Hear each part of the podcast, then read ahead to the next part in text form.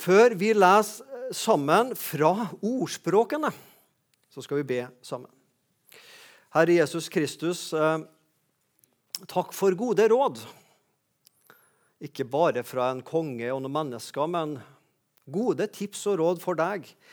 Hvordan vi bør leve og være og tenke, og hvordan vi bør forholde oss til det som har med deg å gjøre, Jesus. Takk for Salomo som skrev ned dette. Takk for det var noen som bevarte for ettertida. og At vi kan lese det og lære av det i dag. Amen. På søndagsmøtene i høst så er det på Bibelen. Altså Bibelen er jo alltid i fokus, forhåpentligvis, men liksom Bibelen som tema. Og Det kan være at vi skal snakke om Bibelen, viktigheten av Bibelen, hvordan vi leser i Guds ord. Og Noen søndager så på en måte legger vi ut gjerne søndagens tekst. Og det er det jeg skal gjøre i dag. Det vil si, jeg skal ta for meg en av det som heter lesetekstene.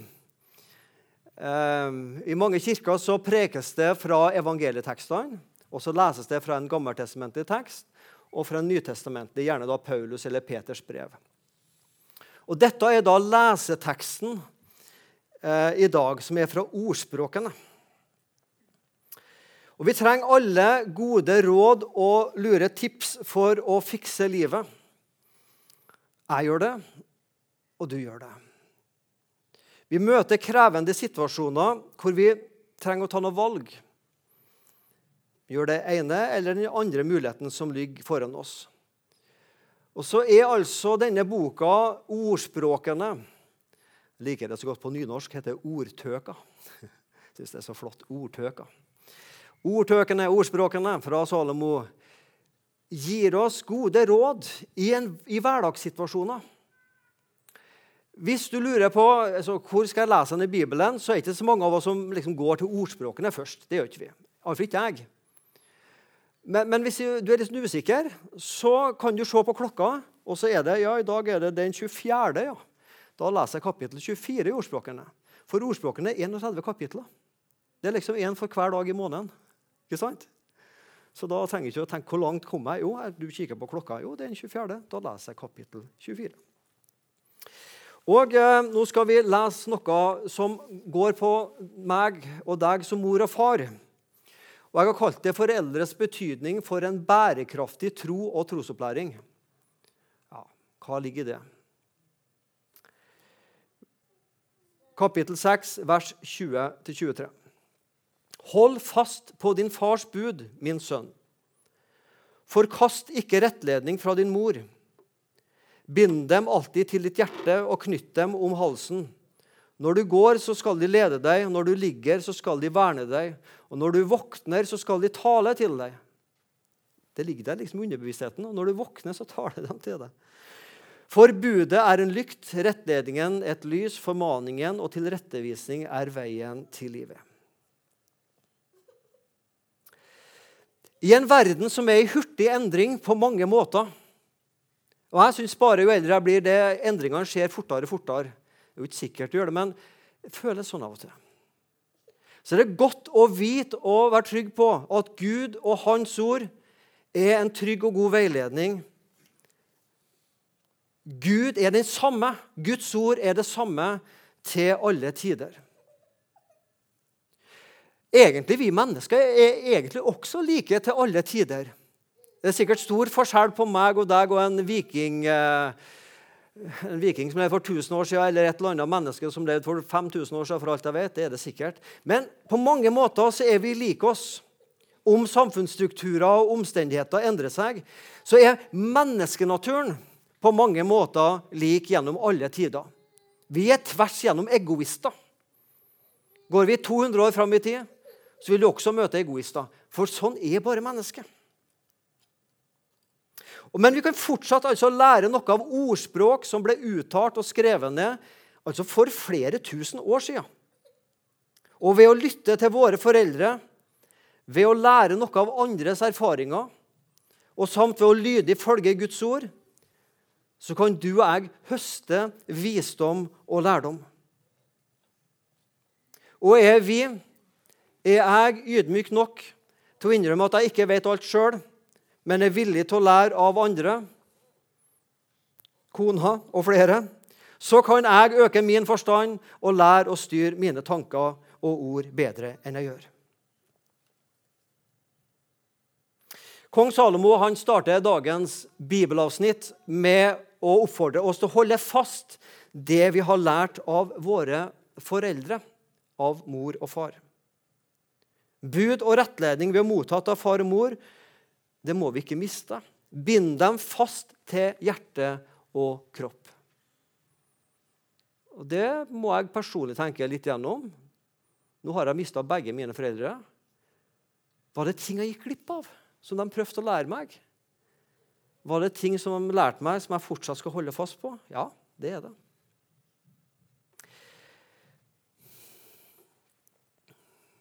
I 5. Mosebok Nå er vi en del i Gammeltestamentet i dag. 5. Mosebok kapittel 6 og vers 4-9 er på en måte litt sånn ekko av Salomo. Eller det vil si, Salomo er et ekko av det vi her leser, for dette er jo skrevet først. Tenk på det vi nå leste fra ordspråkene, og så hør nå hva vi leser fra 5. Mosebok. Her er det, her er det mye likt.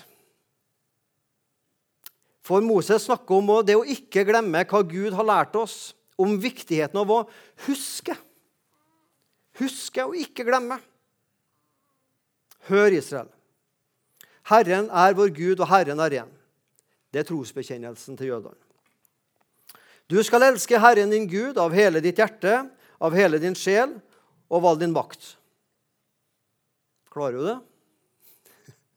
Det er umulig, men eh, Gud har sagt det. Du skal elske Gud av hele ditt hjerte, sjel og all din makt. Disse ordene som jeg byr deg i dag, skal du gjemme i hjertet ditt, og du skal innprente dem i dine barn. Du skal tale om dem, altså om orda, når du sitter i ditt hus, når du går på veien, når du legger deg, og når du står opp. Du skal binde dem som et tegn på din hånd, og de skal være som en minneseddel på din panne. Du skal skrive dem på dørstolpene i ditt hus og på dine porter. Og hvis du har vært i Israel eller du har sett på TV-en fra Jerusalem, så ser du av og til noen ortodokse jøder har noe sånn i panna og noen på hendene. Det er fra dette disse bibelversene her. De, de binder bokstavelig talt på kroppen. Du skal skrive dem på dørstolpen i ditt hus og dine porter. Den norske versjonen av det det er sånne fine bilder med sånn alt av nåde og eh. Du har sett disse flotte bildene som gjerne er i enkelte hus. Det er på en måte å gjøre Guds ord synlig i våre heimer. Så skal jeg snakke litt ekstra til deg som er mor og far i dag. Du er barnets viktigste omsorgsperson. Ja, men mer enn det. Foreldre har et hovedansvar for hva barn lærer, ikke bare teoretisk, men også for det praktiske livet. Det er hjemme for eksempel, vi lærer grensesetting og hvordan vi bør oppføre oss. Alt fra å holde avtaler til hva slags ord jeg bør og i alle fall ikke bør slippe ut av munnen min, det lærer barnet av mor og far.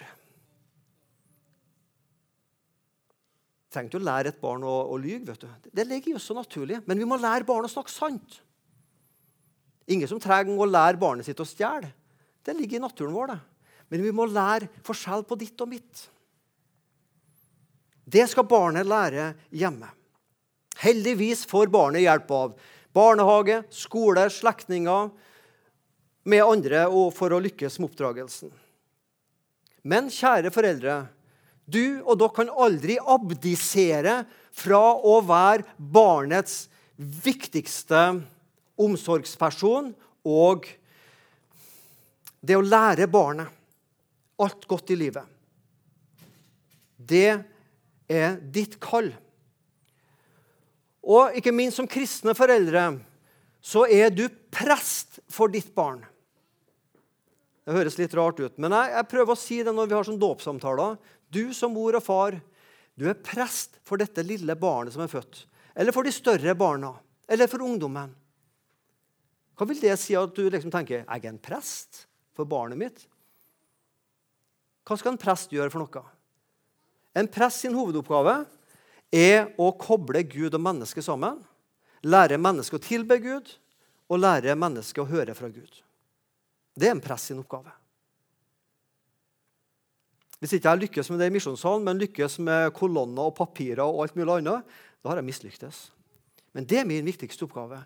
Det er å hjelpe dere og hjelpe meg sjøl til å koble oss på Gud. Tilbe Han og høre fra Han. Og som forelder så er du prest for dine barn. Hvordan praktiserer vi det? Trenger ikke å ta på oss noe dress eller hvitsnipp eller noe sånt for å være prest. vet du. Når du legger barnet, hva gjør du mange foreldre da? Du ber for barnet, synger en godnattsang. Kanskje legger du hånda på hodet og ber velsignelse over barnet. Da er du prest for ditt barn. Når dere spiser middag, hva er det vi kjemper med når vi spiser middag? Å prøve å få til som vi alle har mislyktes, men som vi bare må prøve om igjen og om igjen. Det heter å holde husandakt. Er det noen som har fått til det på første forsøk? Iallfall ikke vi. Men om igjen og om igjen. Du føler liksom nå kommer den onde, og alt liksom skal ødelegge. Men prøv igjen. Ikke gi opp. Bygg inn gode rutiner. Spille godnattsanger, eh, ta med til søndagsskole osv. På den måten er du prest for dine barn. Vi knytter barna til et paktsforhold til Gud, lojalitet til Gud. Det er vårt foreldremandat. Men vi kan bare gi videre det til våre barn, det som vi sjøl eier i hjertet. Og prøv å lære barna kristen tro hvis vi ikke eier det sjøl i hjertet. Ja, det kan gå. Men du må ha det sjøl i hjertet og eie det for å gi det videre. Guds ord, lære, bevare og leve. Så ser og erfarer barnet ditt at dette er sentrum også i ditt liv som mor og far, og i vår families liv og i vår heim. Hva skal til for at vi overlever som kirke? Nå snakker jeg om kirke bredt i Norge. Det kan være kirken, det kan være bedehus. altså bredt. Hva skal til for at kirken skal overleve? En av de tingene som må til for at vi skal overleve, det er at vi overleverer det vi har fått. Hvis vi stopper å overlevere troa som vi sjøl fikk kanskje fra vår heim For jeg vet mange som sitter her, fikk Jesus inn med morsmelka. Men hvis vi stopper i vår heim å overlevere, så er det mindre sjanse for at kristentroa overlever, overlever i Sandnes og Norge overføringsansvar. Innprente Guds ord generasjon etter generasjon. Tok du det, mor og far? Og Nå skal du som er far, spisse ørene enda mer. For nå skal jeg snakke spesielt til deg som er far.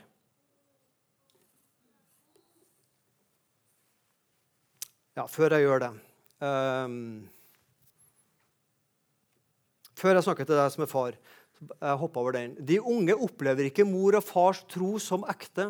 Det er ikke samsvar mellom søndagens kirkegang og livet resten av uken.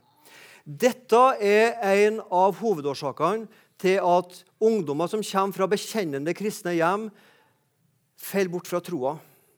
Det er mange årsaker. Og Det kan være at mor og far gjorde sitt beste, men ofte, ikke alltid, men ofte så kan ungdommen si det var ikke samsvar mellom søndagen i kirka og det livet mor og far levde ellers i uka. Samsvar mellom liv og lære, det er Guds et eller annet, ikke sant? Denne flotte salmen. Men nå skal jeg si litt til deg som far. Dere må gjerne høre mødre hva jeg sier til deres menn. Trosopplæring kan ha en tendens til å bli en sånn kvinnegreie i kirka og bedehus, og hjem også. Det er liksom ofte, Nå har jeg jobba i kristen sammenheng så lenge at jeg føler jeg har litt tyngde til å uttale meg. At Tyngdepunktet er nok at det er litt, en god del flere kvinner enn menn som engasjerer seg i kristent barne- og ungdomsarbeid. Vi bodde i Trondheim en del år, gikk i en forsamling som heter Betania, altså vår søstermenighet i Trondheim. Og Så så jeg på et kontor der hang det et bilde av søndagsskolelærere fra rundt år 1900.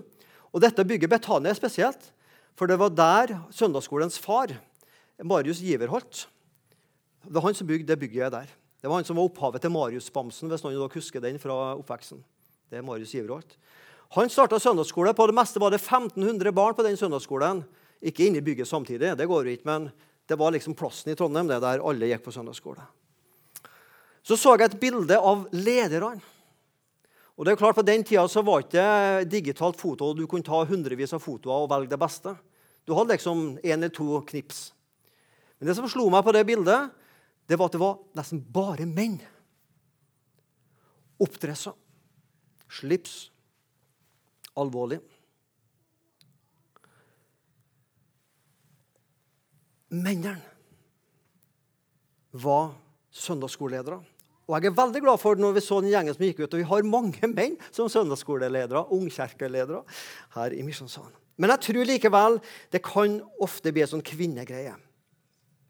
Mange fedre har abdisert i oppgaven å være prest, åndelig leder for sine barn. Adam, hvor er du? Mann, hvor er du i dine barns liv?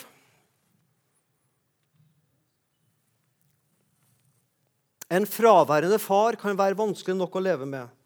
Enda verre er det å oppleve en far som fører et dobbeltliv. En av mine favorittbøker som jeg tror jeg har lest en plass mellom 10 og 15 ganger, det er en bok som jeg bruker i fasetida, som heter 'Med ham til Golgata' av Fredrik Wisløff. Noe av det beste jeg har lest av oppbyggelig litteratur. Han har små andagsstykker, og han skriver om Simon fra Kyrene. Husker du han? Og han som bar Jesu kors. Han som ble pålagt å bære Jesu kors. Og Så går det flere tiår, og så skriver Paulus til romermenigheten. Og så sier Paulus 'Hils Alexander og Rufus'. Har du hørt om dem? Det er to sønnene, iallfall to av sønnene til Simon fra Kyrene. Hils Alexander og Rufus. Flere tiår senere så er de levende kristne i Roma. Sønner av Simon fra Kyrene. Nå skal jeg lese fra Fredrik Wisløff sin bok. Og Hver gang jeg leser dette, så må jeg svelge en par ganger for å ikke bli forrørt. Han skriver veldig godt. Så det han her skriver, det er med bakgrunn i at disse to guttene fortsatt levde i troa etter flere tiår fordi de så fars liv. Hva to gutteører hører, det glemmes endog hva de hører av far. Men hva to gutteøyne ser, det glemmes aldri. Aller minst hva de ser av far. En fars sterkeste preken til sine barn er ikke den som er talt med leppene, men den som hver dag prekes gjennom fars liv uten ord. Det er liv som ikke fremmede ser. Det er liv hvor all helgedagspynt er tatt av det liv som far lever når han riktig er seg selv. Det liv er den preken som fremfor noe vil prege hans barns liv. En fars preken sees bedre enn den høres. Og det gutteøyet søker hos far, er et liv i Jesu fotspor, med nakken hver dag bøyd under korset. At en slik preken aldri glemmes, det vet jeg selv, skrev Fredrik Wisløff for 70, 80, 90 år siden. Fedre Dere setter spesielt standarder for deres gutter. Hold fast på din fars bud, min sønn, las vi fra ordspråkene. Da trenger også sønnen at en fars bud er gode ved at far sjøl lever etter buda. Og så vil jeg si om du er far eller mor. Og Det som kommer nå, det er en setning som jeg har hørt pastorkollega Runa Landro på Fredheim sa her for noen dager siden. Jeg noterte den, for jeg syns den var godt sagt. Så sier Runa Landro om dette med foreldres ansvar og liv overfor barna. Dermed har du som forelder innflytelse på dine barn Ikke bare så lenge du lever, men så lenge barnet ditt lever. Det syns jeg var godt sagt. Hvis du setter en god standard for dine barn, så kan jeg legge meg i grava mi, men så vet jeg det lever videre så lenge barna mine lever, og ikke bare så lenge jeg levde.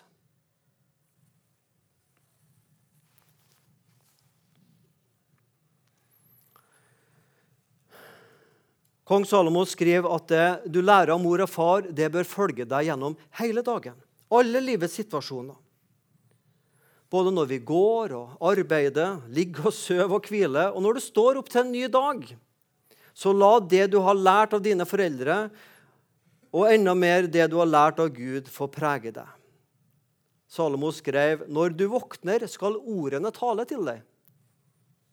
Har du opplevd det en gang? Når du våkner, så liksom så hopper Guds ord opp i tanke og hjerne. Hjerte. Da har liksom buda ligget der i underbevisstheten og gjerda på en på en god måte ikke sant, gjennom natta. Og Så våkner du, og så, og så er de der. De følger deg hele dagen. Hva er det jeg vil fram til? Les, lær, pugg. Pugg bibelvers. Lær bibelvers. Pugg, les dem, pugg dem. Så ligger de der som et arsenal som du har. Du vet aldri når du trenger det. Og så popper det opp i de situasjonene du mest av alt trenger dem.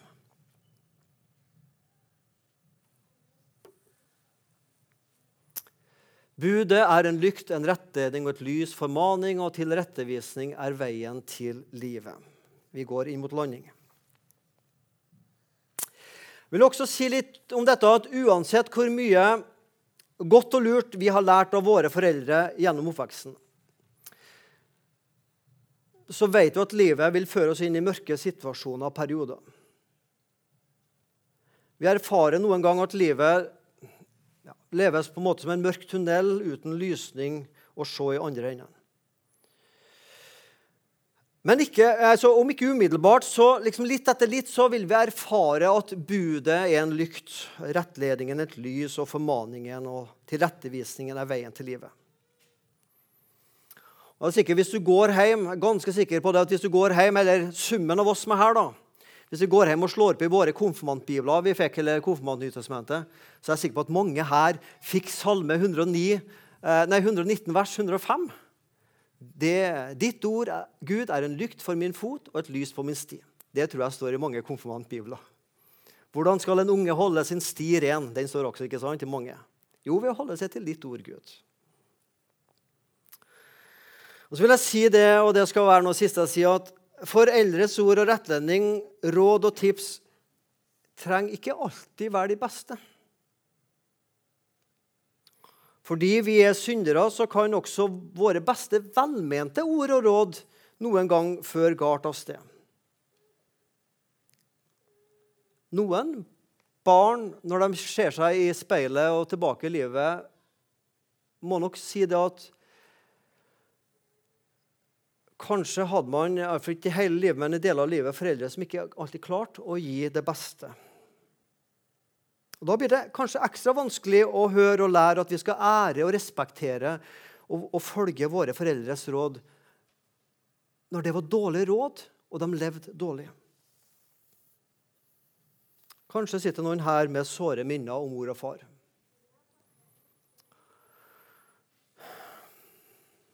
Kanskje prøvde ikke de alltid det beste de kunne heller, tenker du. Det vet ikke jeg noe om.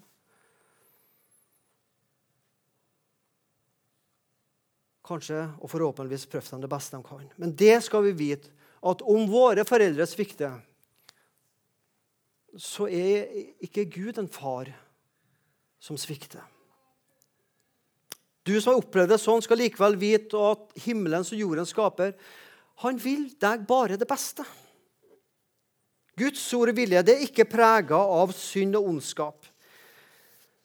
Gud, Far, vil at vi skal oppleve og erfare Fader, Sønn og Hellig Ånd, den treende Gud, som en nærværende god far og bror og kraft i vårt liv.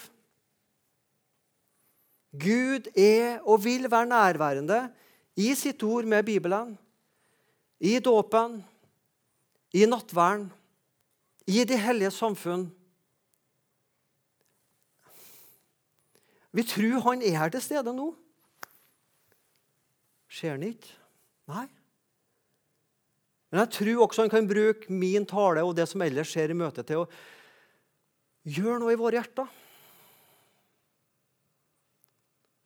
Så tror jeg kanskje det kan sitte en annen mor og far her, kanskje noen fedre, etter det jeg snakka spesielt til fedre, og tenke